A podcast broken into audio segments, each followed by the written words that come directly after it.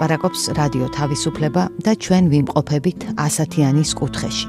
იქ, სადაც ბინადრობს ბევრი მოსაზრება, ციგნი, იდეა, პოზიცია, ემოცია და ბევრი ადამიანი, რომელიც ამ მოსაზრებებსა თუ ემოციებზე გვიყვება. ასე რომ, მოირგეთ ყურსასმენები.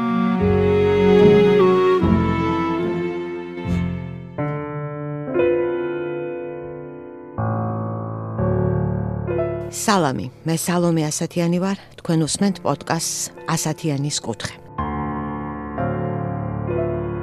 სასიკეთო ცოდნის ციური საცავი. ასე ქვია ცოდნის ერთ ფანტასტიკურ წყაროს, რომელსაც არგენტინელი მწერალი მე-20 საუკუნის ერთ-ერთ უდიდეს ავტორად მიჩნეული ხორხე ლუის ბორხესი 1942 წლის ტექსტში აღწერს და გვეუბნება, რომ ის ერთი ძველი ჩინური ენციკლოპედიიდანაა მოტანილი. და ეს წყარო ცხოველთა სახეობების აი ასეთ კლასიფიკაციას შეიცავს. იმპერატორის კუთვნილები, ბალზამირებულები, გაწრთნილები, ძუძუს გოჭები, ქალთევზები, ზღაპლულები, მაწანწალა ძაღლები, ამ ნუსხაში შეყვანილები. ისინი, ვინც გიჟებივით არიან აჟიტირებულები, უთვალავები, აკლემის წრილი თმის ფუნჯით დახატულები და სხვა. ისინი, რომლებმაც ეს წუთია ლარნაკი დაამტრიეს. ისინი, რომლებიც შორიდან ბუზებს გვანან.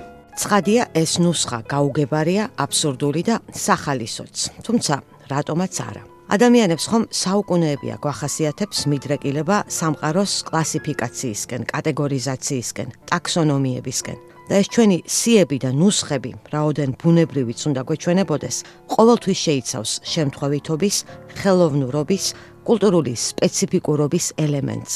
ორხესი ამბობს, არ არსებობს სამყაროს კლასიფიკაცია, რომელიც არაა თვითნებური და სპეკულაციური. მიზეზი მარტივია. ჩვენ არ ვიცით რა არის სამყარო. ამ ფილოსოფოსების ტერმინით ეპისტემოლოგიურ საკითხზე, როგორ განსაზღვრავს და შემოსაზღვრავს ენა, ენობრივი სტრუქტურები, ჩვენი აზროვნების პროცესს, ჩვენს გონებას, ჩვენს მიერ სამყაროს აღქმას, ბორხესი ბევრი კუთხით გვაფიქრებს. მოთხრობაში ფუნესი მეხსიერების რაინდი ის გვთავაზობს საპირისპირო აბსურდს. გვიყვება არგენტინელ ფერმერზე, ფუნესზე, რომელიც უბედური შემთხვევით თავის არეს დაიზიანებს და შეიძენს ფანტასტიკურ უნარს დეტალურად ახსოვდეს აბსოლუტურად ყველაფერი, რაც კი უნახავს. მაგრამ ფუნეს სწორედ კლასიფიკაციის, კატეგორიზაციის, ინფორმაციის დახარისხების უნარი არ აქვს. ეს კაცი თუ მაგალითად ძაღლს 4-ის 14 წუთზე პროფილში დაინახავს, 4-ის 15 წუთზე კი ანფაში, მისთვის ეს სრულიად განსხვავებული ძაღლია. ფუნესი ვერაფერს ივიწყებს. ადამიანის გონებისთვის შეუძლებელია ახსოვდეს იმდენი დეტალი, რამდენსაც ფუნესის მეხსიერება ინახავს. თუმცა ფუნესი ვერ ფიქრობს, რადგან ფიქრი ნიშნავს დეტალების დავიწყებას, აბსტრაგირებას და ფენომენებზე, როგორც ზოგად კატეგორიებზე კონცენტრირებას. ძაღლები, ხეები, სახლები და ასე შემდეგ. ფუნეს მხოლოდ ფაქტების და შტაბეშტილებების უსასრულო დაგროვება შეუძლია. მათი პრიორიტეტიზაციის თუ კატეგორიზაციის გარეშე. ემბლემატურ მოთხრობაში უცნაური და გრძელი სათაურით ტლონი, უკბარი, ორბის, ტერციუსი, ბორხესი ფილოსოფიური იდეალიზმის გროტესკულ პაროდიას მიმართავს და აღწერს შეთქმული ფილოსოფოსების მიერ გამოგონილ პლანეტას სახელად ტლონი, რომლის მცხოვრებთაც საერთოდ არ აქვთ განცდა, რომ მათი ცნობიერების მიღმა რაიმე ფიზიკური, ობიექტური რეალობა არსებობს. კომიკური მანევრების სერიით და ფსევდომეცნიერული ინტონაციით ბორხესი აღწერს, როგორი იქნებოდა ამგვარი აზროვნების შედეგი ენებისთვის, ლიტერატურისთვის, რელიგიებისთვის, მათემატიკისთვის, მეცნიერებისთვის. ტლონზე საგნებს მხოლოდ აღქმა განსაზღვრავს. ამ პლანეტის ერთ ნახევარსფეროში არსებით სახელებს ზმნები ცვლის. მაგალითად, მთვარე იქ აღინიშნება სიტყვებით მთვარობა ან ამთვარება. მეორეში ზეცართავის სახელები. მთვარეს იქ უწოდებენ ჰაეროვან ნათელს ბნელ მრგვალზე. პირველ პირში მოთხრობილ ამ ამბავსთან ინტელექტუალური გამოძიების დინამიკური სიუჟეტი აქვს. ბორხესი და მისი მეგობრები ეძებენ ინფორმაციას არარსებულ გეოგრაფიულ ადგილებს, რეგიონებს. იდუმალი ენციკლოპედიის სტატიას თუ ტომს. თავიდან მხოლოდ ენციკლოპედიის გვერდებზე არსებული პლანეტა ბოლოს რეალობაში იჭრება. ჩვენი ენები, ისტორია, აზროვნება, ქრება და ყველაფერს ანაცვლებს წლონი, სადაც ობიექტური რეალობა არ არსებობს. ხორხე ლუის ბორხესი იყო პოეტი, ესეისტი, მთარგმნელი, რედაქტორი. თუმცა აღიარება მას მოუტანა მოკლე მოთხრობებმა თუ პროზაულმა ტექსტებმა, მისმა ფიქციებმა, ესპანურად ფიქსიონეს.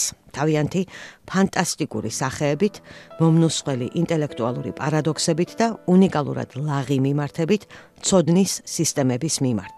ბორხესმა ამ ტექსტებით მძლავრად შეარყია რომანის უზენაესობა ლიტერატურის ფორმების იერარქიაში. მას რომანი არ დაუწერია და აზრს მოკლებულ ძალისხმევადაც მიიჩნევდა უზარმაზარი მკითხველისთვის რთულად აღსაქმელი ციგნების წერას. ისეთების, როგორებსაც მაგალითად მარსელ პრუსტი და ჯეიმს ჯოისი წერდნენ. ბორხესი უპირატესობას იმ ფორმებს ანიჭებდა, რომლებიც რომანამდე იყო. ზღაპრებს, ეპიკურ და სათავგადასავლო ტექსტებს, იგავებს, ფოლკლორულ ამბებს, უფრო თანამედროვე ჟანრებიდან ტრილერს, სამეცნიერო ფანტასტიკას, დეტექტივს.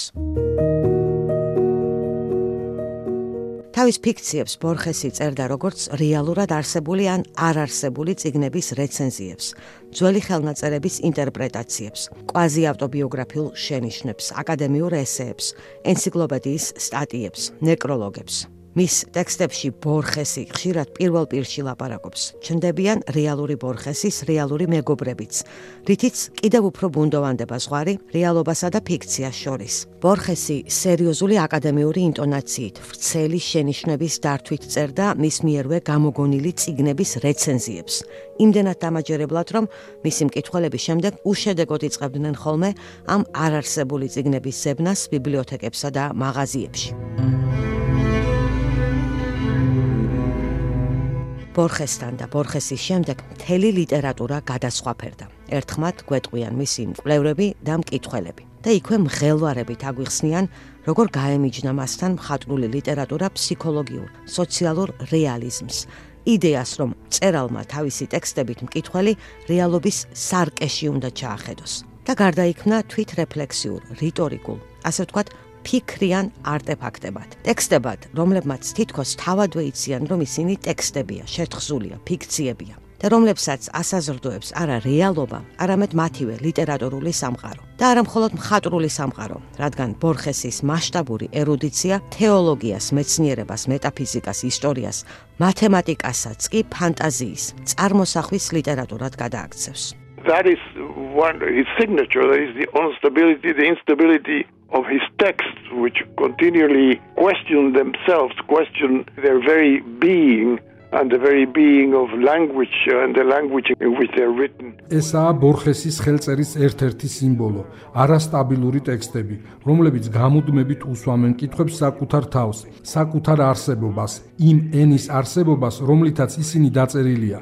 ხატრული ლიტერატურა, ფიქცია ბორხესისთვის არის სამყარო სამყაროში, რომელიც საზრდოობს არარეალობით, არამედ მანამდე შექმნილი ტექსტებით, ფიქციებით. ლიტერატურა თამაშობს თავისი კონვენციებით და ტექნიკებით, რათა ხაზი გაუსვას საკუთარ თავს, როგორც გამოგონებას, გამოგონილს. ირონიული ინტონაციით მისი ფიქციები გამორიცხავს რაიმე მყარი ფილოსოფიური პოზიციის დაკავებას, გარდა ალბათ სოკრატესეული, თვითრეფლექსიური თუ თვითკრიტიკული მიმართებისა. და გვაჩვენებს, რაოდენ მიამიტები ვართ, როცა რეალურ დამაკმაყოფილებელ ცოდნას ვეძებთ, განსაკუთრებით ენაში, თუ ენის მეშვეობით. მე ვიტყოდი, რომ ბორხესის არსი ეს არის. There I think is the the essence of of Borges. გვეუბნება რობერტო გონზალეს ეჩევარია. იელის უნივერსიტეტის ესპანურენოვანი და შედარებითი ლიტერატურის პროფესორი და ბორხესის მემკვიდრეობის ავტორიტეტიანი სწავლული.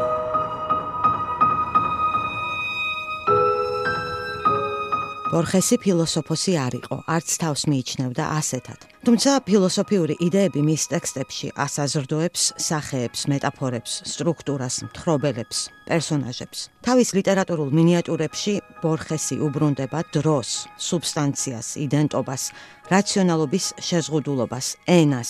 ბორხეს საინტერესებს მეტაფორა, როგორც ორი ფენომენის ლიტერატურული კავშირი და თვლის, რომ ყველა არსებითი სახელი, მთელი ენა რეალურად მეტაფორულია, არაზუსტი და პირობითი. ბორხესი წერს დეტერმინიზმსა და შემთხვევითობაზე, მათ შორის ალბათ ყველაზე კაპკიანურ მოთხრობაში, ბაბილონის ლატარია, რომელშიც ჩვეულებრივი ლატარია თანდათან გადაიქცევა რთულ, იდუმალ და საიდუმლო ინსტიტუციად, რომელიც საზოგადოების ყველა ასპექტს მართავს.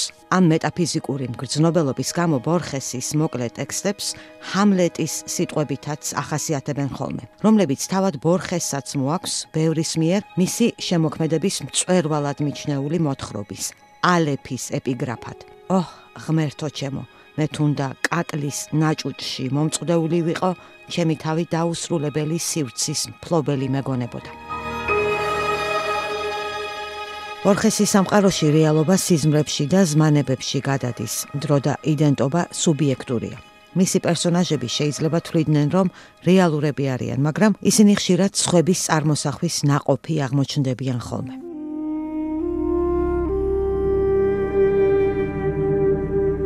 მოთხრობაში ავეროესის ძიებანი გვხვდება შუა საუკუნეების არაბი ფილოსოფოსი ავეროესი, რომელიც არისტოტელეს პოეტიკაზე წერს და გაიაზრებს, რომ ამ მონუმენტურ ნაშრომში ორი სიტყვა, ტრაგედია და კომედია არ ესმის. რადგან მის ისლამურ კულტურაში თეატრები, ტრაგედიები და კომედიები არ არსებობს. თუმცა ტექსტის ავტორმა ბორხესმა იცის, რომ მას თავადაც არ შეუძლია ისლამური კულტურის სრულად გაგება. იცის, რომ მოთხრობის ავეროესი მისი გონების ناყოფია და როცა მისი სახის გამოხმობას წარმოსახვაში წვეთს, ავეროესი ლიტერატურული სარკიდანაც ქრება. ავეროესი დრამის არსის წარმოდგენას რომ ელტოდა, თუმცა ისიც კი არ იცოდა რა იყო თეატრი. ჩემზე მეტად აბსურდულ მდგომარეობაში როდი იყო. მეც ხომ ვცდილობდი წარმომედგინა ავეროესი. არადა ხელთა არავითარი მასალა არ გამოჩნდა. წერის პროცესში ჩემივე გმირად უნდა ვქცეულიყავი. ხოლო ჩემს გმირად მხოლოდ მაშინ ვიქცეოდი თუ კი ამ მოთხრობას დავწერდი. და ასე, უსასრულოდ, როგორც კი მის რწმენას დავკარგავ, ავეროესი მაშინვე გაქრება. იდუმალ ზოროასტრიზმის მგზნობელობით შეფერილ მოთხრობაში წრიული ნანგრევები შამანი თავისი ხანგრძლივი ზმანებებიდან შვილს მოავლენს რეალობაში. მას უნდა და ადამიანი დასიზმრებოდა, უნდა და ის დასიზმრებოდა ზუსტი მთლიანობით და რეალობაში შემოეყვანა. ჯადოქარი ცდილობს თავის ვაჟს დაუმალოს ის, რომ მას ცეცხლი არ დააზიანებს, რადგან ეს რომ გაიგოს ბიჭი მიხვდება, რომ იგი ფანტაზმაა, გამოგონილი ქმნილებაა. ერთხელაც ხანზარი ტაძარში იფეთქებს და ჯადოქარი აღმოაჩენს, რომ ცეცხლში თავადაც არიწვის, ანუ თავად შამანიც ვიღაცის ზმანება თუ სიზმარია. ცეცხლის ალებმა მის ხეულს არაფერი დაუშავა, ალერსიანა დალოკა. ისე მიელამუნა, რომ არც დაწვა, არც ფერფლად უქცევია. კაც შვების, დამცირების, ტკივილისა და სასოწარკვეთის უცნაური განცდა დაეუფლო, რადგან მიხვდა, რომ თავადაც ლანდი იყო, პირმშო ვიღაცის ზმანებისა. მეტაფიზიკური თემატიკიდან ბორხესისთვის ძალიან მნიშვნელოვანი იყო დრო, რომელიც მის სამყაროში თანმიმდევრული არ არის. ის სუბიექტურია, ციკლური, წრიული, პარალელური, ალტერნატიული და უსასრულო ლაბირინთებს მოიცავს. მისი ტექსტი ბაღი, სადაც ბილიკები იყრებიან, ჯაშუშური ამბის სიუჟეტით გვიყვება ძველი ჩინელი ერეტიკოსი ავტორის ცუიპენის იდუმალ წიგნზე, რომელიც უსასრულობას არა სივრცეში, არამედ დროში მოიხელთებს. ცუიპენი ერთ ისტორიულ ბრძოლაზე წერს ისე, რომ მისმა წიგნმა ამ ბრძოლის ყველა შესაძლო განვითარება ასახოს, რადგან ამ ავტორს ერთი მთლიანი აბსოლუტური დროისა არ შეეროდა. მიაჩნდა, რომ არსებობდა დროთა უთვალავი სიმრავლე, დროები, რომლებიც ერთმანეთს უახლოვდებიან, ყვეთენ, იტოტებიან, ან საუკუნეებით არიან დაშორებულები ერთმანეთისგან. და დროთა ეს აბლაბუდა საკუთარ თავში ყველა წარმოდგენით შესაძლებლობას შეიცავს. I don't think that there is a a coherent philosophical position that you could say this is Borges' philosophy. Mm-hmm. Because he would sometimes take the ideas of philosophers that are completely incompatible. არამგონია შეიძლებაოდეს გამოკვეთა ერთი მყარი მკაფიო ფილოსოფიური პოზიციისა, იმის სათქმელად, რომ აი ესაა ბორხესი, როგორც ფილოსოფოსი. რადგან ბორხესი ზოგჯერ იღებს ერთმანეთთან აბსოლუტურად შეუთავსებელი ფილოსოფოსების იდეებს. შემდეგ კი ერთი მიდგომით ერთ ლიტერატურულ სამყაროს ქმნის. მეორეთი მეორეს. ანუ აქ იდეა ის არ არის, რომ ციტატები მოიტანოს სხვადასხვა ფილოსოფიური სისტემიდან. არამედ ფილოსოფიაში უნდა იპოვო ლიტერატურული სიტუაციის ან ლიტერატურული სამყაროს შექმნის შესაძლებლობა. To find in philosophy the possibility of the creation of a literary situation or a literary world. გვეუბნება ბორხესის მემკვიდრეობის კიდევ ერთი ვეტერანი მკვლევარი, კალიფორნიის უნივერსიტეტის ესპანურენოვანი და შედარებითი ლიტერატურის პროფესორი ეფრაიმ კრისტალი. და ბორხესის კალეიდოსკოპურ ლაბირინთის მსგავს სამყაროში ორიენტირებისთვის ერთ შესაძლო გზასაც გვთავაზობს. ვიპოვოთ შეუძლებლობები, რომლებიც ჩვენი წარმოსახვისთვის მისაღები იქნება. There is a feeling, a Borgesian feeling that informs so much of the work. And part of that, part of that Borgesian feeling involves what Borges would call, and he called it this way many times, trying to find impossibilities that the imagination will accept. არსებობს ერთგვარი ბორხესისეული განცდა, შეგრძნება, მგრძნობელობა, რომელიც მძლავრად ასაზრდოებს მის მემკვიდრეობას. და ეს ბორხესიანული განცდა მათ შორის მიემართება იმ ამოცანას, რომელსაც თავად ბორხესი ბევრგან აღალიბებს. ესაა მცდელობა იპოვო შეუძლებლობები, რომლებიც წარმოსახვისთვის მისაღები იქნება. თუ კი წარმოსახვისთვის რაღაც მისაღებია, ნიშნულობა არ აქვს იმას თუ რა სიტყვა და უბრალო ლოგიკა. ამბობდა ბორხესი და ის მუდმივად ამ იდეის ძიებაშია. სურს მიაგნოს შეუძლებლობებს, რომლებიც აბსურდად კი არ აღიქმება, არამედ მათ მისაღებად მზად ხარ. მთელს მის ძიებებს ეს იდეა ანიჭებს გარკვეულ ერთიანობას. And that gives a level of uh, coherence to some of his uh, investigations and search. ეს შეუძლებლობები ის სახეებია, რომლებიც მეცნიერულ და ლოგიკურ რეალობაში არათუ არ არსებობს, ვერი არსებებს. ენციკლოპედია, რომელიც ჩვენ სამყაროს შეცვლის, ციგნი გვერდების უსასრულო რაოდენობით. ადამიანის სრულყოფილი მეხსიერებით. დისკო, რომელსაც მარტო ერთი მხარე აქვს. თუ ბუენოს აირესის რომელიღაც სახლის სარდაფში მოკიაფე პატარა სფერო, ალეფი, რომელიც თელ დროსა და სივრცეს უსასრულობას იტევს. მაგრამ ჩვენს წარმოსახვაში ეს შეუძლებლობები აბსურდად არ აღიბეჭდება, რადგან ისინი უნივერსალურ კითხვებს გამოიხმობს. სამყარო, რომელშიც ცხოვრობთ, ილუზიაა, სიზმარია, რა მოხდებოდა აბსოლუტურად ყველაფრის დამახსოვრება რომ შეგვეძლოს. რა არის ჩვენი იდენტობა, დრო, ჩვენი ადგილი სამყაროში? რამდენად გზღუდავს ჩვენი გონება, მოკვდავობა, ენა, რომლითაც სამყაროს აღვიქვამთ? უსასრულობა სხვადასხვაგვარია? ან საერთოდ რას ნიშნავს ჭეშმარიტების ღმერთის ძიება, უსასრულობის აღქმის აუხდენელი სურვილი? ტოტალური ცოდნის მოპოვების შეუძლებელი ვნება.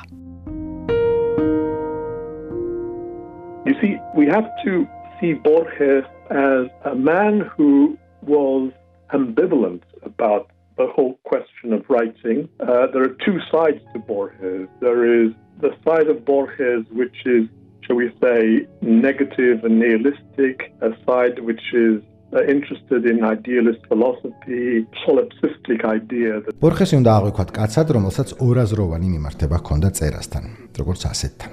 ბორხეს აქვს ორი მხარე. არის ასე ვთქვათ ნეგატიური, ნიჰილისტური ბორხესი. ის ბორხესი, რომელსაც აინტერესებს იდეალისტური ფილოსოფია, solipsismის იდეა, რომ სუბიექტ სამყარო შეცნობა შეუძლია მხოლოდ თავისი შეცდომებისკენ მიდრეკილი ნაკლოვანი აღქმით, რომ მატერიალური სამყარო არ არსებობს აღმქმელის გონების გარეთ და ამდენად ადამიანი ვერასოდეს შეძლებს ჩაწვდეს რეალობის ჭეშმარიტ ბუნებას. პერსონალური იდენტობის ილუზორულობის თემატიკა ბორხესთან მუდმივად იჩენს თავს. ის 25 წლისაც არაა, როცა წერს ესეს ლანადერია დე ლა პერსონალიდად, პიროვნულობის არაფრობა. და ილუზიების ზღვის თავზე მოტივტივე ბუნდოვან არსებად ყოფნის განცდა მას დიდხანს გაყვება თან.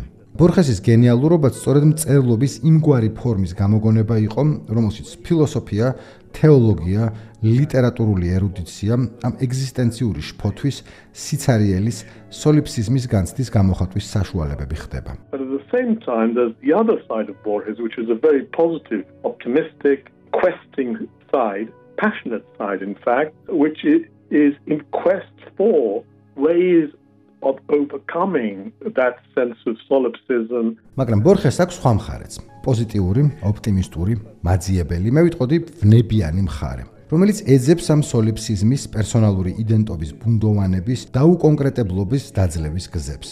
და ვფიქრობ, მისი მწერლობის ძალა სწორედ ამ დაძაბულობიდან მომდინარეობს. მისი ამ ინტელექტუალური ცნობის მოყარეობისგან, ერუდიციისგან, ინტელექტუალური მაძიებლობისგან, და რაღაც განცდისგან, ემოციისგან, რომელიც ამ ყველაფერს თან გასდევს და გარკვეულწილად შეკავებულია, ჩვენგან დაფარულია. ესა ერთგვარი დაძაბულობა ინტელექტსა და გრძნობას შორის. The sense that underneath it there is feeling which is in some ways held back. Hidden from you. This tension between intellect and feeling. ამბობს ასათიანის კუთხის კიდევ ერთი სტუმარი, ედვინ უილიამსონი, ოქსფორდის უნივერსიტეტის ესპანურენოვანი ლიტერატურის ემერიტუსი პროფესორი, ავტორი 2004 წელს გამოცემული წიგნისა ბორხესი ერთი ცხოვრება, რომელიც ამ წერლის ყველაზე მონუმენტურ ინგლისურენოვან ბიოგრაფიადაა მიჩნეული. ინტელექტსა და გრძნობას ემოციას შორის დაძაბულობა წვერვალზეა ჩემ საყვარელ მოთხრობაში სათაურით ზაჰირი. თავისი იდუმალი შეუძლებლობით მონეტით რომელიც ყველა სხვა მონეტაა. ეს ტექსტი თან ემბლემატურად ბორხესიანულია თან განსხვავებული. უბოდიშოდ ემოციური მუხტით და შეშლილი შეპყრობილი მთხრობელის ქაოსური მაგრამ მაინც შეკავებული მონოლოგით ესაა პირველ პირში მოთხრობილი ამბავი კაცზე სახელად ბორხესი, რომელიც უფრო და უფრო კარგავს გონებას მისი საყვარელი ქალის, ლამაზი, მოდური და პოპულარული ტეოდოლინას სიკვდილის გამო.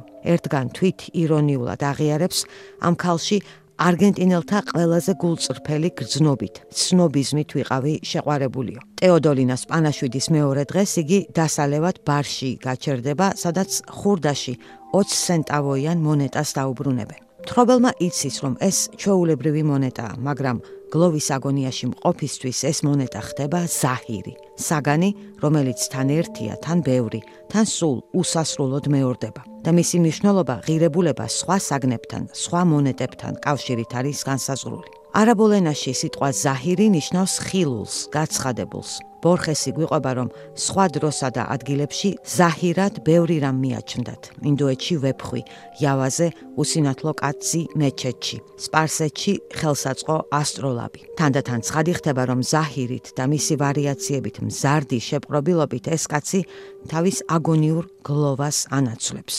სხვებს დაესიზმრებათ, თითქოს შეშლილი ვიყო. მე კი დამესიზმრება მხოლოდ ზაჰირი. თუ კი დედამიწაზე ყველა დღე და ღამ მხოლოდ ზაჰირზე დაიწყებს ფიქრს, რა იქნება სიზმარი და რა სინამდვილე, დედამიწა თუ ზაჰირი?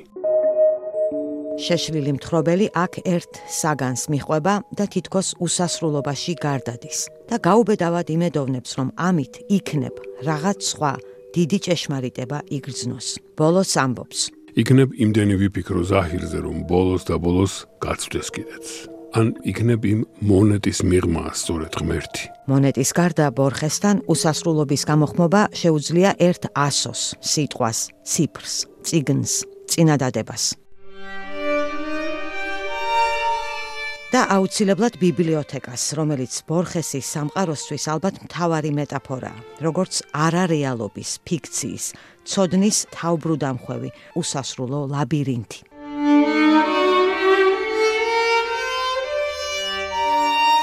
ბიბლიოთეკა ბორხესის ცხოვრებაშიც მთავარი სივრცე იყო, მთელი მისი ხანგრძლივი სიცოცხლის განმავლობაში. 11 წლის ასაკამდე ბორხესი სახლში სწავლობდა. ინგლისელი ბებია და აღმზრდელი ქალი ასწავლიდნენ ორ ენაზე, ესპანურად და ინგლისურად. რომ მკითხონ, ჩემს ცხოვრებაში მთავარი მოვლენა რა იყო, мама ჩემის ბიბლიოთეკას დავასახელებდიო, ამბობდა ზრდასრულობაში.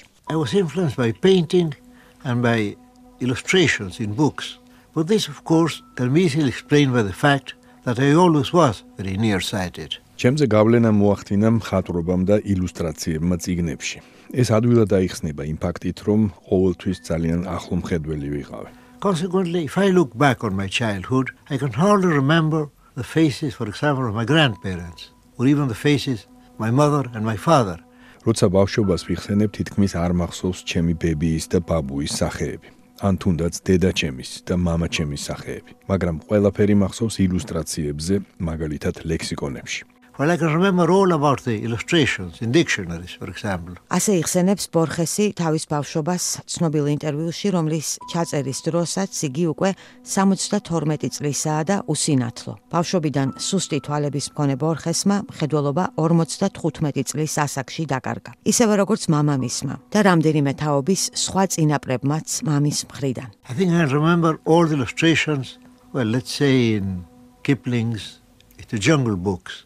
All the illustrations in Alice in Wonderland. ყველა ილუსტრაცია მახსოვს. თქვათ კიპლინგის ჯუნგლების ციგნიდან, ასევე ციგნიდან ელისის საოცრებათა ქვეყანაში, მარკ ტვენის ჰეკლბერი ფინიდან, დავიწყებული ციგნებიდანაც. მე ყოველთვის ინგლისურად ვკითხულობდი. მამაჩემის ბიბლიოთეკაში გავიზარდე და იქ ყველა ციგნი, გარდა მაგალითად დონ კიხოტისა, ინგლისურ ენაზე იყო. მაშინ შევიძინე ინგლისურ ენაზე კითხვის ჩვევა. Because I was brought up, let us say, in my father's library, and most of the books, except for example for Don Quixote, most of the books are in English. So there I acquired the habit of reading in English. ხედველობის დაკარგვის პერიოდში ბორხესი გახდა საჯარო ბიბლიოთეკის დირექტორი ბუენოს-აირესში და იქ თითქმის 20 წელიწადი დაჰყო. ღმერთმა დიდებული ირონიით ერთად მიბოძა ციგნები და ღამე. ციგნების ქალაქი მან ჩააბარა უსინათლო თვალებს, რომლებიც ახლა მხოლოდ სიზმრების ბიბლიოთეკაში კითხულობენ. დაწერს ბორხესი ერთ ლექსში. ბრაილის შრიფტი მას არასოდეს უსწავლია. ყველაფერი ახსოვდა, რაც საკითხული ჰქონდა. შემდეგ დედა ეხმარებოდა წერასა და კითხვაში. თუმცა ნაცნობებსაც ფაქტობრივად ინგლისურად მოლაპარაკე ნებისმიერ ადამიანს იოლად შეეძლო ბორხესთან მისვლა. იმ პირობით თუ მას წაუკითხავდა. სამყარო, რასაც ზოგიერთი ბიბლიოთეკად მოიხსენიებს, გაურკვეველი და ალბათ უსასრულო ექვსკუთხა გალერეებისგან შედგება, რომელთაც შუაში განიერი სავენტილაციო ჭები ჩასდევს დაბალი ჯებირებით. თითოეული ამ ექვსკუთხედიდან ზედა და ქვედა სართულების დაუსრულებელი წყებების დანახვა შეიძლება. ყველა გალერეის აგებულება უცვლელია. ორის გარდა, თითო კედელზე 5-5 გრძელი თაროა, ანუ სულ 20. თაროების სართულის სიმაღლის ტოლია და ოდნავ აღემატება საშუალო ბიბლიოთეკარის სიმაღლეს. ასე იწყება ბაბილონის ბიბლიოთეკა. ბორხესის ერთ-ერთი ყველაზე ცნობილი, ნაღვლიანი და კლაუსტროფობიული ამბავი თვალუწვდენელ ურჩხულისებრ. ზუსტი გეომეტრიული წესრიგით ორგანიზებულ ბიბლიოთეკაზე, რომელიც ადამიანთა მოდგმა რომც გადაშენდეს, სული არსებებს. გასხივოსნებული, უკაცური, უსასრულო, სრულიად უმოძრაო, სავსე ძვირფასი ტომებით, უმაქნისი, უხრწნელი, იდუმალი. წერს ბორხესი. ეს ბიბლიოთეკა შედგება 6 კუთხა გალერეების უზარმაზარი რიცხვისგან. ყველა ჰექსაგონის ყველა კედელზე 32 ცალი თანაბარი ზომის სიგნიდევს. ყველა ციგნს 410 გვერდი აქვს და ეს ციგნები მოიცავს 25 ორთოგრაფიული სიმბოლოს ყველა შესაძლო კომბინაციას. ბიბლიოთეკარები, რომლებიც ხან ურწმუნოებად, ხან მკვლევრებად, ხან ინკვიზიტორებად არიან მოხსენიებულები, გარშემორტყმულნი არიან მილიონობით ციგნით, მაგრამ ამ ციგნების წაკითხვა, გაშიფრვა არ ძალუძთ. გეომეტრიული წესრიგი იმდენად თვალუწვდენელი და ინტენსიურია და თან ამ ექვსკუთხა კედლებს კიდევ სარკეები ირეკლავს უსასრულოდ, რომ ის ქაოსში გარდადის. ზოგი ბიბლიოთეკარი თავს იკლავს, ზოგი ბრმავდება, ან ჭკუიდან იშლება. თუმცა მთხრობელი, მოხუცი, თითქმის უსინათლო ბიბლიოთეკარი მაინც ვარაუდობს, რომ ეს ქაოსური სიმეტრია შესაძლოა რაღაც იდუმალ წესრიგს ექვემდებარებოდეს. ამბობს ეს მოხდენილი იმედი, ჩემს მარტო სულობას ალამაზებსო. ეს ურჩხულისებრი ბიბლიოთეკა ალბათ ბორხესის ყველაზე ცნობილი მეტაფორაა, თუ შეუძლებლობა. და მიემართება კითხვას სამყარო უსასრულოა თუ სასრული. და ამ მეტაფორას ბორხესთან თავისი დრამატურგია აქვს. როგორც ეფრაიმ კრისტალი გვიყვება, შედარებით გვიანდელ ეტაპზე დაწერილ მოთხრობაში ქვიშის ციგნი, ბორხესი მას კიდევ უფრო ყოვლის მომცველ და დამზაფრელ შინაარს მიანიჭებს. Borges is known for the metaphor of the world as a book or the world as a library, mm. right? You know, and and he has a very famous story ბორხესი ცნობილია მეტაფორით სამყარო როგორც ციგნი, ან სამყარო როგორც ბიბლიოთეკა. 1940-იან წლებში მისთვის ემბლემურ სხვა ნაწარმოებებთან ერთად ბორხესი წერს ცნობილ ტექსტს ბაბილონის ბიბლიოთეკა. ესაა მოთხრობა უსასრულო ბიბლიოთეკაზე. მასში არის ციგნები, რომლებიც შედგება 410 გვერდისგან, ორთოგრაფიული სიმბოლოების ყველა შესაძლო კომბინაციით. ანუ კიდევ ერთი ციგნის დაწერა აზრს კარგავს, რადგან ყველა შესაძლო ციგნი, რომელიც ამ ფორმატში შეიძლება დაიწეროს, უკვე დაწერილია. უკვე აქ არის. რაც ხდება ამ ტექსტში თუ ბიბლიოთეკაში შემხვედრი ფოთვის, შეშლილობის, სასოწარკვეთის მეტაფორა. ამ ფორმატით გვაქვს ციგნების აურაცხელი, უზარმაზარი რაოდენობა. ოღონდ ეს რაოდენობა სადღაც ოდესმე მაინც ამოიწურება. ხოლო უფრო გვიანდელ ეტაპზე დაწერილ ქვიშის წიგნში ეს მეტაფორა იცვლება. აქ გვხვდება არა ბიბლიოთეკა, არამედ ერთი წიგნი, ყველა გვერდზე სიმბოლოებით, რომლებიც ამოხსნას საჭიროებს. ამ წიგნის თხელი გვერდების რაოდენობა უსასრულოა. ისინი უსისტემოდაა დანომრილი და პირველი და ბოლო გვერდები არ არსებობს. ამ თამაშის წესი შემდეგია: თუ რომელიმე გვერდს აკვირდები, მის გაშიფვრას ვცდილობ და მას გადაშლი, მას ვერასოდეს დაუბრუნდები. მთხრობელი წიგნების არგენტინელი კოლექციონერი ამ წიგნს შეიძენს შოტლანდიელი კაცისგან, რომელსაც თავის მხრივ ის ინდოეთში წერაკითხვის უცოდინარი კაცისგან აქვს ნაყიდი. რადგან ქვიშის მსგავსად ამ ციგნს არც დასაწყისი აქვს და არც დასასრულიო. ასე უთქვამს ამ ციგნის თავდაპირველ მფლობელს. ეს ციგნი არის გაცილებით უფრო შემაძრწუნებელი რაღაც, ვიდრე ბიბლიოთეკა იყო უფრო ადრეულ ტექსტში. რადგან ბიბლიოთეკას მაინც ჰქონდა სასრულის, დასასრულის რაღაც ერთიანი მნიშვნელობის ქონის შესაძლებლობა, ხოლო ამ ახალ ბიბლიოთეკას ამ ციგნს ეს შესაძლებლობა არ აქვს. მას არც დასაწყისი აქვს, არც დასასრული, არც განგრძობადობა ის არ უშვებს რაღაც ერთიანი მნიშვნელობის ქონის შესაძლებლობას. ეს ციგნი დამზაფრელია, кошмарული საგანია, რასაც ციგნის მფლობელი გაიაზრებს და ბოლოს მას დამალავს. This new book is much more terrifying of, of an object It does not give you the possibility of closure. It does not give you the possibility of uh, of coherence. And then the owner of the book hides it in, the, ბიბლიოთეკაში დამალავს. The National Library of Argentina in the hope that no one will ever find it because he also knows given its infinite number of pages that if you were to set fire to it the entire world would collapse. დიახ, არგენტინის ეროვნულ ბიბლიოთეკაში დამალავს და იმედოვნებს, რომ მას ვერავინ ვერასოდეს იპოვნის. რადგან ფლობელმა იცის ისიც, რომ ამ ციგნს გვერდების უსასრულო რაოდენობის გამო ვერ დაწვავ. მისთვის ცეცხლის წაკიდება მთელი მსოფლიოს კოლაფს მოიტანს. ამ ორ ტექსტს, ბაბილონის ბიბლიოთეკასა და ქვიშის ციგნს შორის ეს კავშირი ძალიან საინტერესოა. კომპლექსურობით, ბაროკული შენიშვნებით, მათემატიკური მეტაფორებით მფეთქავ უფრო ადრეულ მოთხრობას ბორხესი მოგვიანებით გადასინჯავს. შეცვლის მას მთელ ამ ბაროკულ განზომილებას ჩამოაშორებს. და ის თulis რომ ამით მისი კომპლექსური მეტაფორა ეს კონჩერტო უფრო ინტენსიური ხდება. Later on he refines it he takes away the the baroqueness and the conceit he thinks is more intense. ხორხე ფრანსისკო ისიდორო ლუის ბორხეს ასევედო 1899 წლის 24 აგვისტოს დაიბადა ბუენოს-აირესში. ოჯახში, რომელიც თავისი царსულის გამო სოციალური პრესტიჟით, ერთგვარი პატრიციანული სტატუსით სარგებლობდა. მის წინაპრებს შორის ორივე მხრიდან იყვნენ დამოუკიდებლობის ომებში თუ გაუჩოების, ერთგვარი არგენტინელი კავბოების ამბოხებების ჩახშობაში მონაწილე სამხედროები, კონკისტადორები, კოლონიური მართველები, ბუენოს-აირესის ერთ-ერთი დამაარსებელიც კი. ამ ფიგურების ხსოვნას ოჯახი დიდ პატივს მიაგებდა. მათი სურათები, ნივთები, ხმლები სახლის კედლებზე ჰქონდათ გამოფენილი, თუმცა ისინი მდიდრები არ იყვნენ. ბორხესის ბავშვობაში ოჯახი ცხოვრობდა ბუენოს-აირესის ღარიბ უბანში, პალერმოში, რომელიც არგენტინის ცნობილ ვაკეს, პამპას ესაზღვრებოდა. იმ თვალუწვდენელ პამპას, სადაც ოდესღაც დანებით ოსტატურად მოჩხუბარე ლეგენდარული თავისუფალი გაუჩოები დაეხეთებოდნენ.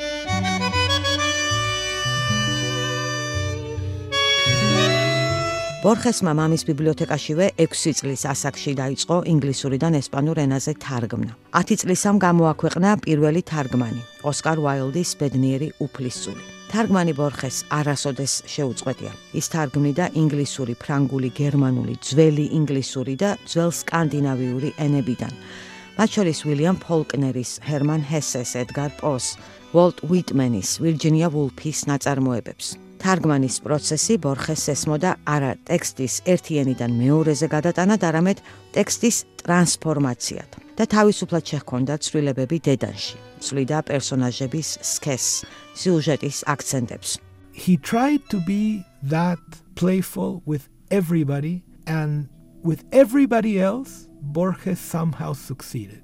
Kafka is the only writer who defeated him. ბორხესი ცდილობდა ეს თავისუფალი მიმართება ჰქონოდა ყველა ავტორთან, რომელსაც თარგმნიდა და ეს ყველასთან გამოუვიდა ასე თუ ისე.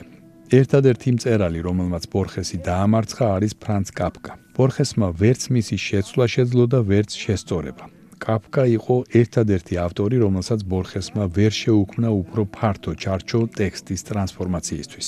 ბორხეს კაფკას ბევრი მოკლე ტექსტი აქვს თარგმნილი და არც ერთი თარგმანი არ შეიცავს მისი მხრიდან დამატებულ დეტალებს. რაიმე ისეც, რაც ორიგინალურ ვერსიაში არ გვხვდება. He was the only writer for whom Borges was unable to create a greater frame that would allow for these transformations to take place. გვეუბნება ეფრაიმ კრისტალი. ედგარ პოს შედევრად მიჩნეული ნაპარავი წერილის გადათარგმნის და მცირედად შეცვლის შემდეგ ბორხესმა პოს შტაგონებით დაწერა დეტექტიური და ფანტასტიკური ჟანრების სინთეზზე დაფუძნებული მოთხრობა სიკვდილი და კომპასი, რომელიც გვიყვება შემთხვევითობაზე, ბედისწერაზე, კაბალაზე, თეოლოგიაზე, მათემატიკაზე. ბოროტ მოქმედი გამომძიებელს ლიტერატურული მინიშნებების თამაში ჩაითრევს. არადა ამ თამაში აქტიური მონაწილეობით, უფრო და უფრო მეტი ცოდნის დიდი ვნებით მოპოვებით, ეს გამომძიებელი სინამდვილეში თავისივე სიკვდილისკენ მიექანება. ბორხესის მშობლები ერთმანეთისგან განსხვავდებოდნენ როგორც ბუნებით, ისე ღირებულებებით. დედამისი ლეონორ ასევედო იყო ესპანელების შთამომავალი, წინაპრებს შორის დამოუკიდებლობის ომების გმირით, პოლკოვნიკი ისიდორო სუარესით. კაცრი კათოლიკე, ძლიერი ხასიათის მქონე და განათლებული ლეონორი შვილებს პატარა ასაკიდანვე უნერგავდა სიამაყეს და პატივისცემას მათი წინაპრების გმირული царსულის მიმართ. ბორხესის ცხოვრებაში დედა ერთ-ერთი მთავარი ფიგურა იყო. მცირე პაუზების გარდა დედაშვილი ფაქტობრივად უწყვეტად ერთ ჭერქვეშ ცხოვრობდა ლეონორის გარდაცვალებამდე 99 წლის ასაკში.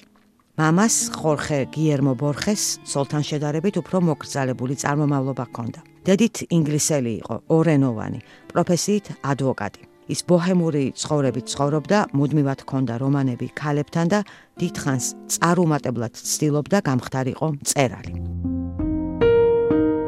ბორხესის დედა ამაყობდა არგენტინის ჰეროიკული წარსულით. მამას კი ამ ქვეყანამ იმედები გაუცროა. ის მწერლად არ მიიღო. და როგორც ბორხესის ბიოგრაფები გვეტყვიან, ეს წინააღმდეგობა ერთ-ერთ დრამატურგიულ ხაზად გადაიქცა ბორხესის ლიტერატურული სამყაროსთვის, რომელშიც ხვდებით მონუსხულობას როგორც გმირი მეომრის ეპიკური ფიგურით, ისე უფრო ანარქისტი, თავისუფალი, ნონკონფორმისტი კაცებით, გაუჩოებით, დანებით მოჩხუბარი კუჩიეროებით, მათი დუელებით. მათ შორის მოთხრობაში მკვდარი, რომელშიც ქალაქელი ბიჭი მოხუცი გაუჩოს ავტორიტეტს თითქოს წარმატებით დაუპირისპირდება. თუმცა მას ბოლოს მოკლავენ და მხოლოდ სიკვდილის მომენტში გაიაზრებს, რომ ეს წარმატება ილუზია იყო და მისი მოკლა თავიდანვე იყო გადაწყვეტილი. და ცნობილ ტექსტში სათაურით სამხრეთი.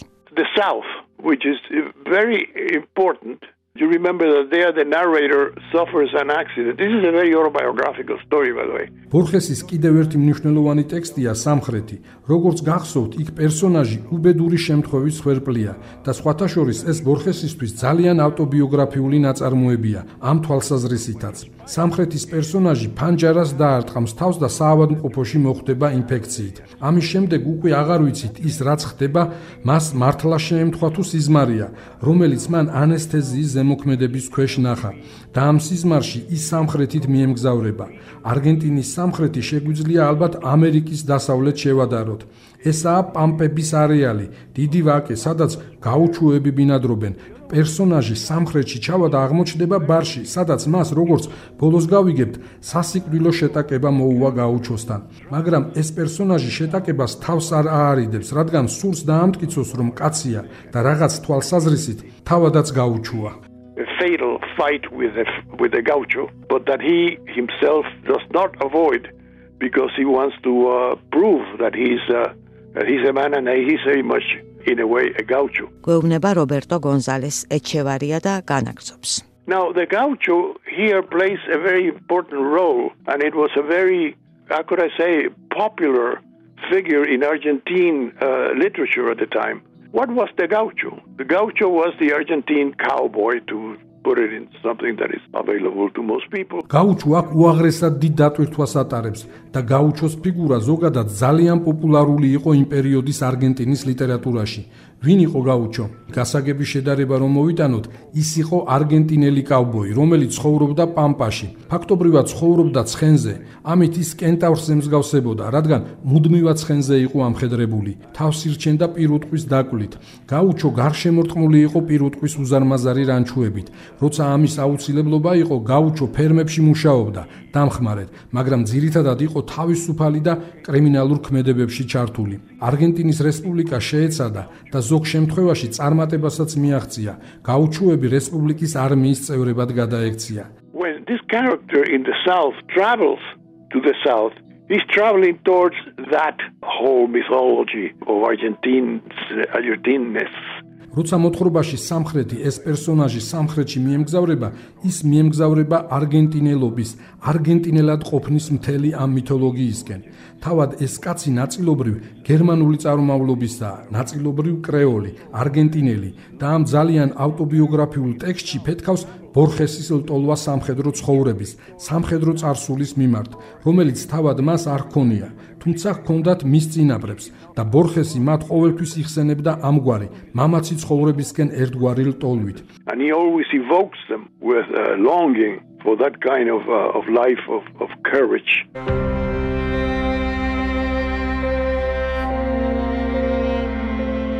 გაუჩოს ხვდებით კიდევ ერთ მოთხრობაში, რომელშიც ბორხესი ისევ დროის თემატიკას უბრუნდება და მომნოსხვალ შეუძლებლობას გვთავაზობს. დრო თუ სუბიექტურია, მაშინ შეგვიძლია ისიც დაუშვათ, რომ სუბიექტური დრო მხოლოდ აწმყოში არსებობს. წარსული შედგება აწმყოში განცდილი მოგონებებისგან, მომავალი აწმყოში განცდილი შიშებისგან და იმედებისგან. შესაბამისად, თუ მოგონებებს შევცვლით, ამით იქნებ წარსულიც შეიცვალოს. There's one story that is extraordinary called The Other Death. And in that story, you have one of these gauchos who has died. And before he died, he regretted a moment of cowardice in one of these battles, something that no one can talk about. ბორხეს ეკუთვნის ერთი არაჩვეულებრივი მოთხრობა სათაურით სხვა სიკვდილი, რომელშიც გაუჩო მოკვდება. მაგრამ სანამ მოკვდება, ის ნანობს ერთ ბრძოლაში თავისი სიმხდალის მომენტს. ნანობს რაღაცას, რაზეც არავინ ლაპარაკობს. ამ ამბის რთული მეტაფორა კონჩეტო საოცარია. ამბის დასაწყისში თავიდან ვითარდება ისტორიული დრო, მაგრამ როცა ამბავი მთავრდება, წარსული შეცვლილია. მოთხრობის დასაწყისის წარსული მოთხრობის ბოლოს სხვანაირია, რადგან ბორხესი თავის პერსონაჟს აძლევს შესაძლებლობას წარსული თავიდან განიცადოს. ხელახლა გაიაროს. ეს ტექსტი ღიად გვაჩვენებს მომენტს, რომელშიც ისტორია საკუთარ თავს ცვლის. საიმისოდ, რომ ამ გაუჩოს მიეცეს ის ბედისწერა, რომელიც მას თავის წარსულში რეალურად არ ქონია. გაუჩოს ეძლევა წარსულის ხელახლა გავლის საჩუქარი. რის შედეგადაც მომავალი შეიცვლება. და ამ ტექსტში გავდივართ აწმყოს ტრანსფორმაციასაც, რადგან წარსული ახლა სხვაგვარია. ესაა საოცარი ამბავი, რომელიც ძალიან მცირე დროშია მოთხრობილი. So the past of the beginning of the story will change at the end of the story because a character was allowed to relive it. გვეუბნება ეფრაინ კრისტალი.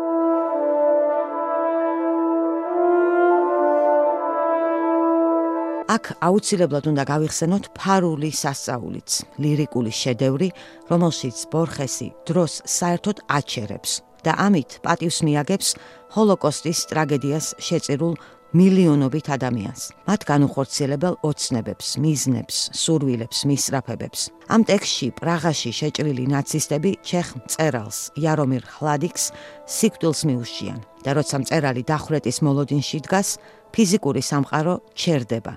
დრო მთელი ერთი წლით იყინება. ხლადიკმა წინა ღამით სიზმარში ლოცვაში ინატრა მისემოდა საშუალება დაემთავრებინა მისთვის მნიშვნელოვანი პიესა და ის ამ ტექსტს მართლაც დაწერს იმ წელიწადის განმავლობაში, რომელსაც მას ღმერთი უბოძებს და რომელიც მხოლოდ მის გონებაში გავა. შთამომავლობისთვის არ იღწოდა, არც ღმერთისთვის, რომლის ლიტერატურულ გემოვნებაზე წარმოდგენაც კი არ ჰქონდა. უმოძრაოდ იდუმალად საგულდაგულო დაშენებდა ნაჩუქარ დროში თავის უხილავ და სრულყოფილ ლაბირინთს. როგორც კი ტექსტის დასასრულს მიაგნებს, დრო ისევ გალღვება და მწერალს ნაცისტების ტყვიები მოკლავს. დრამა დაასრულა. ერთადერთი ეპითეტი ყადააკლდა, მაგრამ იპოვა. წვეთი ამოძრავდა და ლოყაზე ჩამოუგორდა. ხლადიკმა მწარეთ შეხვირა. თავი გააქნია. ოთხმატყვია მძირს დასცა.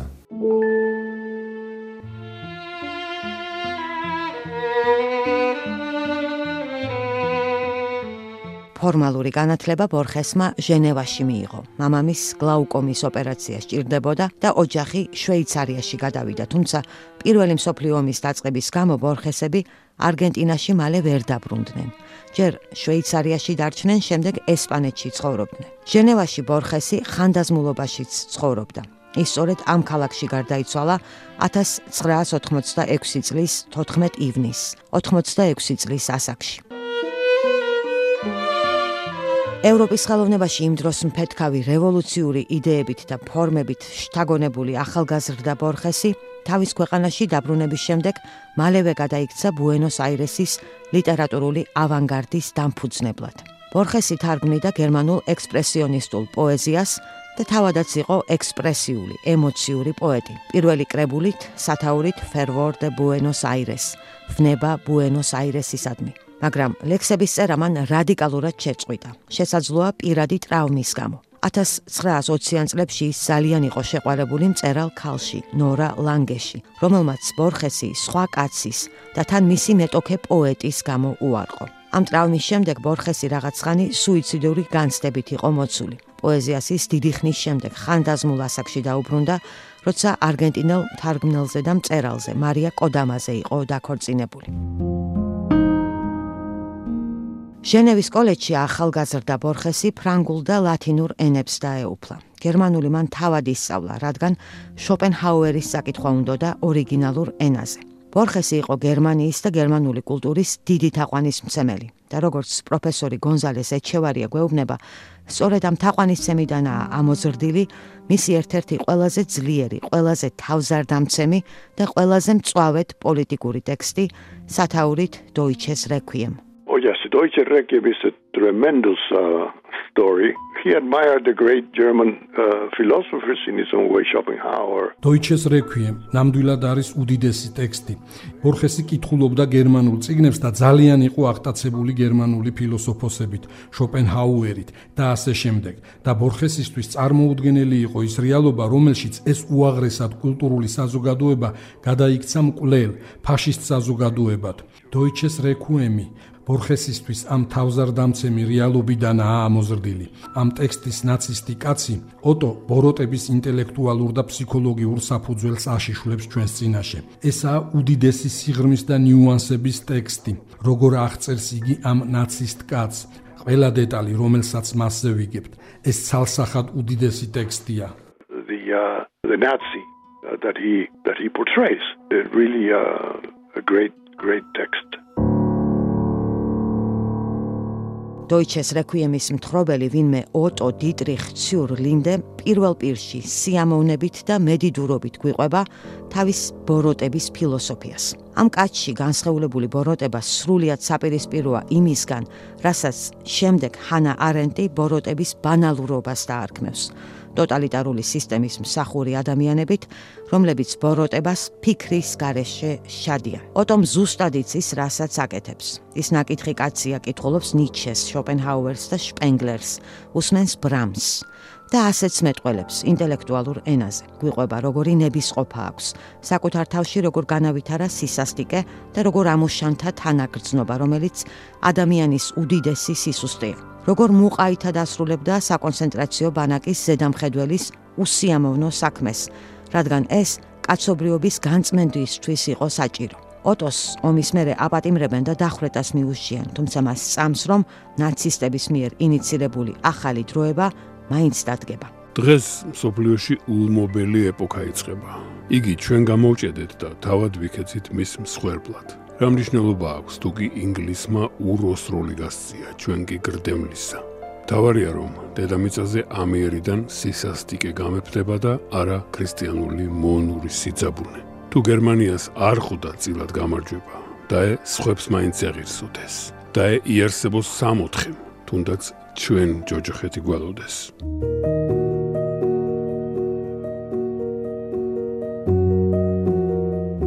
ფაშიზმს და ანტისემიტიზმს ბორხესი ღიად უპირისპირდებოდა. იმ ფონზე, როცა არგენტინაში ამ იდეოლოგიას თუ შეხედულებებს არც თუ ცოტა მიმდევარი ყავდა. ახალგაზრდობაში ის იყო სოციალ-დემოკრატიის გარკვეული ფორმის მხარდამჭერი. თუმცა შემდეგ მგზნებარად უარყოფდა მარქსიზმს და კუბის რევოლუციასაც. არადა არგენტინის პოლარიზებულ საზოგადოებაში ინტელექტუალური ცხოვრება პროგრამულად მემარცხენე იყო. ბორხეს ათვალწუნებული ჰქონდა იმ პერიოდში პოპულარული სხვა იდეებიც.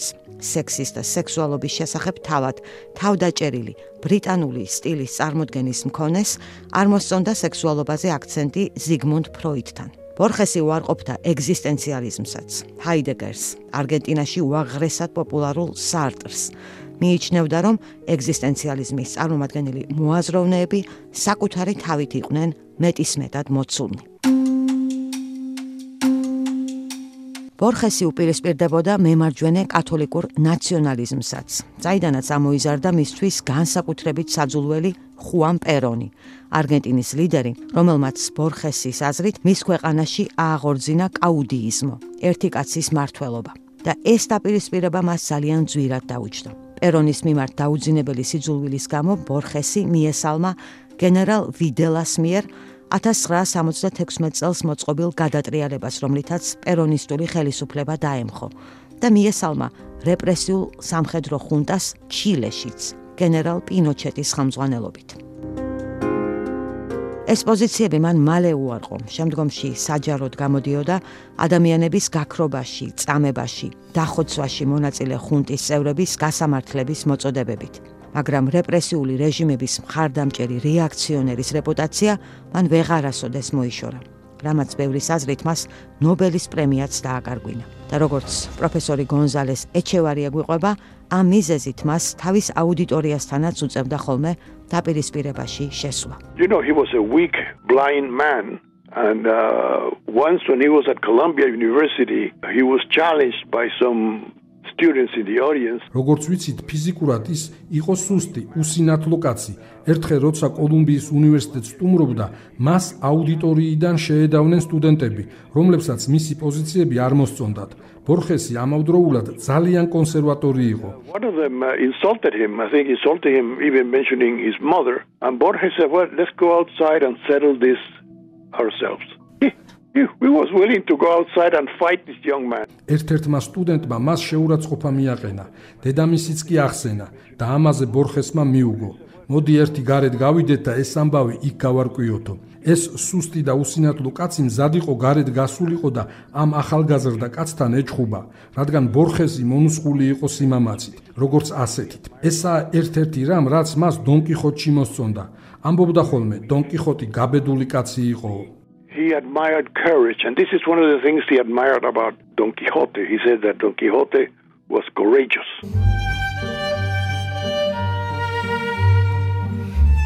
საერთაშორისო აღიარება ბორხესთან გვიან მივიდა. დიდწილად მას მერე რაც 1961 წელს გამომცემელთა საერთაშორისო პრემია მიანიჭეს სემიუელ ბეკეტთან ერთად.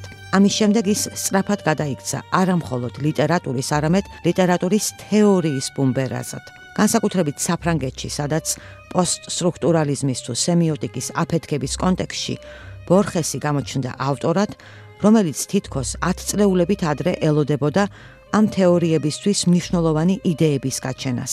იქნებოდა ეს ინტერტექსტუალობა თუ ლიტერატურის, როგორც არაპიროვნული დისკურსის ცნება და აუცილებლად ავტორის სიკვდილი. მოსაზრება, რომელიც უწინარესად როლან ბარტთანაა ასოცირებული. მის განაცხადთან, რომ ავტორის სიკვდილს მოაქვს კითხველის დაბადება.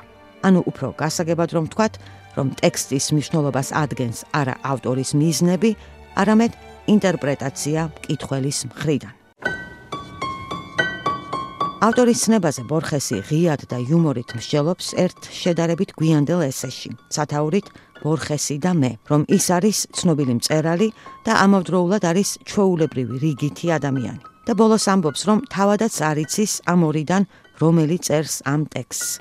მასვე ეკუთვნის ფანტასტიკური მოსაზრება ლიტერატურაში მემკვიდრეობითობის შესახებ, რომ წერლებზე წარსულში არსებული ავტორები კი არ ახდენენ გავლენას, წერლები აქ აწმყოში თავად იგონებენ თავიანთ ლიტერატურულ წინაპრებს, მათთვის ახლებური მნიშვნელობების, კონტექსტების მინიჭებით, ახლებური წაკითხვით. თუმცა ავტორის იდეის გადასინჯვისთვის ყველაზე დიდ მნიშვნელობას ბორხესის ერთი ცნობილი ტექსტი ატარებს. ეს მოთხრობა ფსევდო რეცენზიის თუ კვაზი ნეკროლოგის ფორმითაა დაწერილი და მას პიერ მენარი, დონ კიხოტის ავტორი ჰქვია.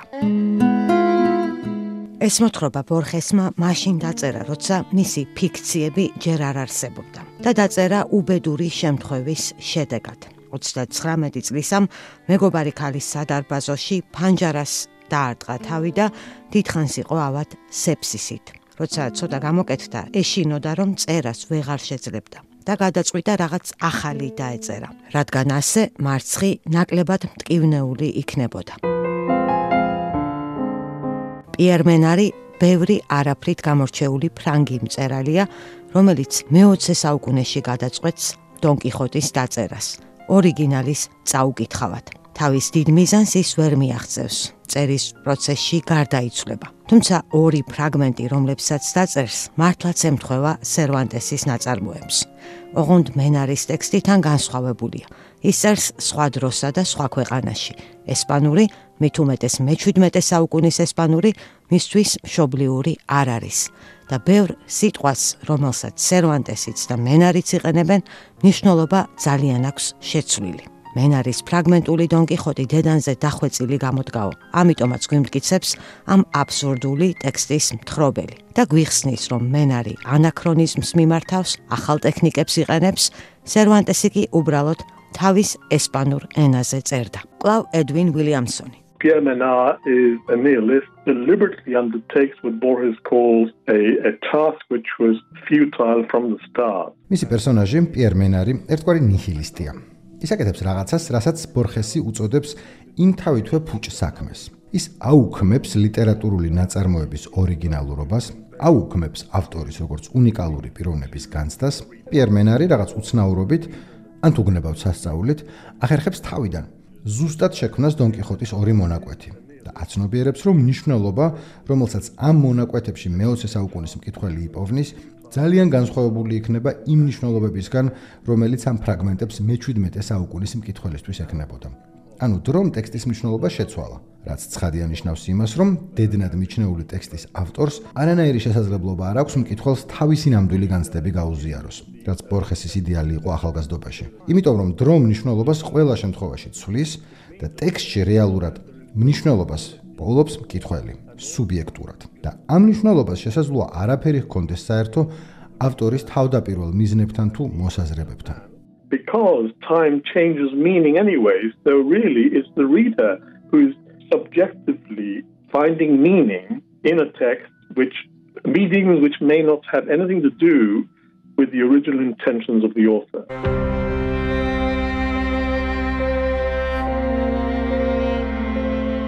რეალობა არ არის ყოველთვის შესაძლებელი ან სავარაუდო. ჩვენ სულ მზად ვართ რეალობის მისაღებად. შეიძლება იმიტომ რომ გრძნობთ რეალური არაფერია, ამბობდა ბორხესი, მაგრამ მასვე ეკუთვნის სხვა ცნობილი ციტატაც. დროითი თანმიმდევრულობის უარყოფა, მეს უარყოფა, ასტრონომიული სამყაროს უარყოფა. სასოწარკვეთი ლაქტებს გავს, ისინი ფარული ნუგეშია. დრომ დინარეა, რომელიც თან გამიყოლებს, მაგრამ დინარე მე ვარ. სამყარო სამწუხაროდ რეალურია. მე სამწუხაროდ ბორხესი ვარ.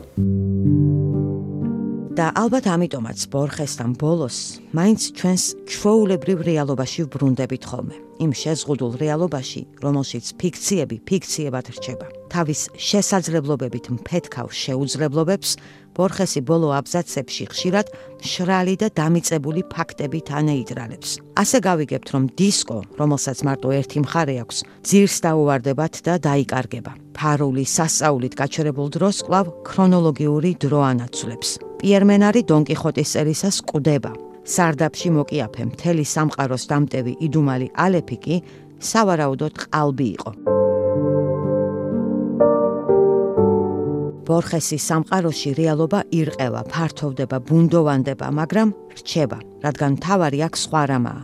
ის რომ შეუძლებელი, ფანტასტიკური, ალოგიკური და თუნდაც აბსურდული, ზოგჯერ რეალურზე უფრო მომნუსხველი და უფრო მრავლის მთქმელიც შეიძლება იყოს. და ბორხესის ციგნის დახურვის შემდეგ ეს ჩვენც უკვე სამუდამოდ ვიცით.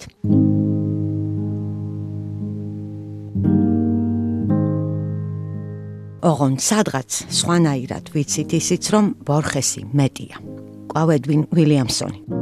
There's a long text, the longest story he wrote is called The Congress. ბორხეს აქვს ერთი გრძელი ტექსტი. ყველაზე გრძელი რაც კი ოდესმე დაუწერია სათაურით კონგრესი, რომელშიც შეძლებულ კაცს სურს შექმნას მსოფლიო კონგრესი, სადაც წარმოდგენილი იქნება ყველა ერი, ენა, ციგნი. ის ეძებს უნივერსალურ ენას. და შემდეგ გაიაზრებს, რომ ეს ყველაფერი ფუჭია.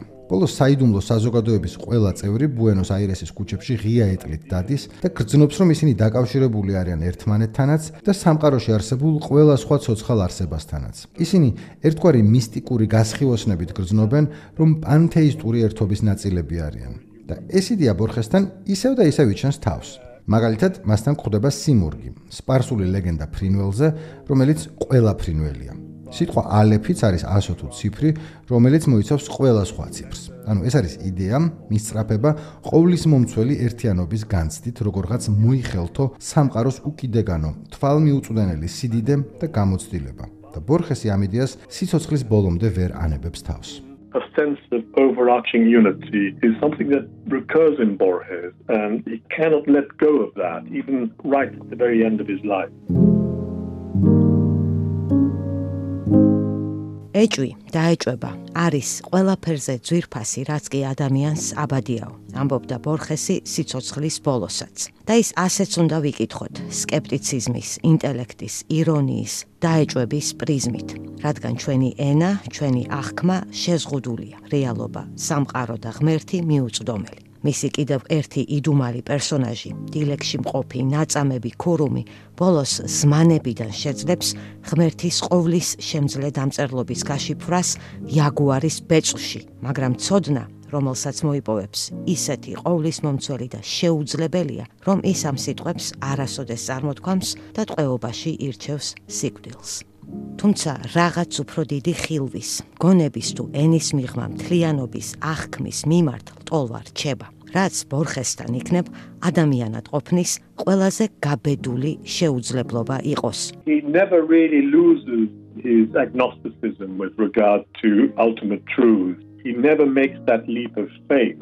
But at the same time, I wouldn't agree that he is a total skeptic. ბორხესი აგნოსტიციზმს ბოლომდე არასოდეს კარგავს.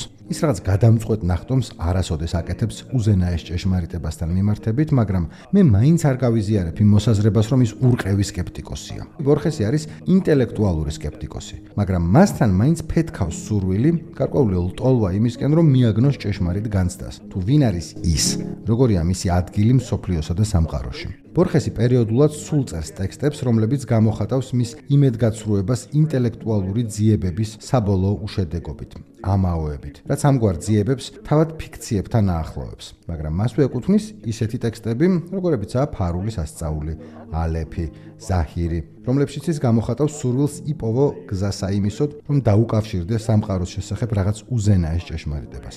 ბორხეს ეკუთვნის ცნობილი გამონათქვამი, რომ ხელოვნება ესთეტიკური მოვლენა არის მოახლოებული ხილვა, რომელიც არასოდეს ხდება. ანუ ხელოვნებას შეუძლია მიგიყვანოს რაღაც იდუმალი ხილვის, მისტიკური გაგების ზღვართან, მაგრამ ეს ხილვა საბოლოოდ მაინც არ ხდება. მას სრულად ვერ მოვიხელთებთ. Art can bring you to the brink of some kind of mystical revelation and understanding, but it never really does happen. It cannot clinch it.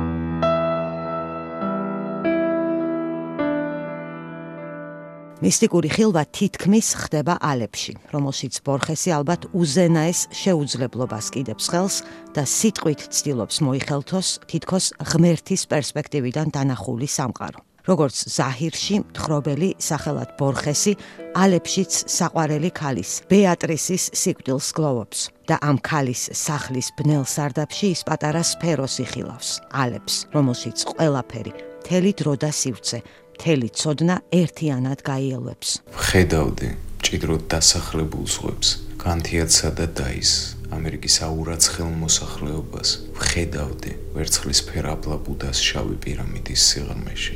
ხედავდი დანგრეულ ლაბირინთს, ლონდონი იყო, ხედავდი თვალთა უსასრულო რაოდენობას, როგორც სარკეში საკუთარ თავს ისე რომ მომშტერებოდნენ. ხედავდი ჩვენი პლანეტის ყველა სარკეს, თუმცა ჩემს გამოსახულებას არც ერთი არ ირეკლავდა. ხედავდი ვაზის მტევნებს, თოვლს, თამბაქოს, მადნეულის ძარღვებს მიწის ქვეშ, წყლის აორთქლებას, ეკვატორზე გამობერილ უდაბნოებს და უდაბნოების ქვიშის ყველა ნამცეთს. ინვერნესში ხედავდი ქალს, რომელსაც ვერასოდეს დავივიწყებ. ხედავდი მის ფაფარევით აშლილ დიდებულ თმას, ამაყს ხეულს, კერჩი კიბოს მეტასტაზებს. ამ თაუფრუ დამხვევ მონაკვეთში ბორხესი მწვერვალზეა. მონოლოგით ხედავდი, ხედავდი, თითქოს მართლაც თელ სამყაროს ერთ ფურცელზე მოიხელთებს. ვეფხვებს, საცობებს, ბიზონებს, სხვის ქარიშხლებსა და ჯარებს. ხედავდი ყველა ჭიანჭველას, რომელიც კი დედამიწაზე დაღოღავდა, სპარსულ ასტროლაბს, ჭვრეტდი ღამესაც და იქვე დღესაც და ის კერეტაროში, ბენგალური ვარდის ანარეკლს რომ ჰგავდა. ხედავდი ჩემს ცარიელ საძინებელს. ალკმარის ერთ-ერთ კაბინეტში ჩაკეტილ. ორ სარკეს შორის მოქცეულ გლობუსს უსასრულოდ რომ ირეკლებოდა იმ სარკეებში. ფაფარაშილ ცხენებს კასპიის ზღვის სანაპიროზე განთიადისას დახვეწილ ხელის გულს. თუმცა ბოლოს როგორც ხდება არ ვიცით ეს ხილვა მართლა იყო ზმანება იყო ალეფი იყო ნამდვილი თუ ყალბი. ან ეს ყველაფერი საერთოდ თუ იყო. საერთოდ თუ შეუძლებლად არსებობდა. ხედავდი ალებს, ალებში ყველა კუთხიდან დანახულ დედამიწას, იმ დედამიწაზე კვლავ ალებს და ისევ დედამიწას ამ ალებში. ხედავდი საკუთარ სახეს და შიგნეულობას, ხედავდი შენ სახესაც. In the Aleph when the narrator has this vision of the whole is in the in the basement and he looks up the stairs and he does partake of the Aleph's possibility of simultaneous view of the whole. Borges is there. That is Borges. ალებში, როცა მთხრობელს აქვს მთლიანობის ეს ხილვა, ის სარდაფში იმყოფება, კიბის თავს ახედავს და ხდება მონაწილე ალეფის შესაძლებლობისა ერთიანად აღიქვა მთლიანობა. ეს არის ბორხესი. ალეფის ეს ეპიზოდი არის კვინტესენციური ბორხესი. ალეფი გვაჩვენებს, რომ ბორხესის პოეტიკა არ დაიყვანება უარყოფამდე, გამოცანებამდე, აპორიებამდე. მიზანია აჩვენო ჩვენი სურვილი მოვიცვათ მთელი რეალობა, მთელი დრო, მთელი სამყარო და შესაძლოა სწორედ ეს სურვილი განგვსაზღვრავდეს ჩვენ, როგორც ადამიანებს. აქაა იმის შეუძლებლობა, რომ ადამიანმა მოიცვას უსასრულობა, დათა მფეთქავი, გაბედული სურვილი, ეს როგორმე მაინც გააკეთოს, როგორმე მოიპოვოს ტოტალური, ყოვლის მომცველი ცოდნა. ეს არის ბორხესი, აქ არის ბორხესი. The impossibility to encompass the infinite, but the desire to do so and to have total knowledge. That is Borges right there. გვეუბნება რობერტო გონზალეს ეჩევარია. დღეს ამით გემშვიდობებით. სანამ წავიდოდე, განსაკუთრებული მადლობა ორ ადამიანს უნდა გადაუხადო. დოდო ყვავილაშვილს, ბორხესის ტექსტების თითქმის ყველა ციტატა, რომლებიც ეპიზოდში მოისმინეთ, მისი ბრწყინვალე თარგმანი იყო. და გიორგი წერეთელს, ნიჭიერ მსახიობს ბორხესის გულანთებულ მკითხველს, რომელმაც ეს ციტატები წაგვიკითხა. ჩემს კოლეგასთან ოქრობირ რუხაძესთან ერთად, რომელსაც ასევე ცხადია მადლობას ვეუბნები. ტექსტის რედაქტირებისთვის ტრადიციულ მადლობას ვუხდი ბიძინა რამიშვილს ეპიზოდის გახმოვანებისთვის მას ჯიმშერ რეხვიაშვილს და ნიკო ნერგაძეს მე სალომე ასათიანი ვარ ლაპარაკობს რადიო თავისუფლება მალე ისევ შევხვდებით ასათიანის კუთხეში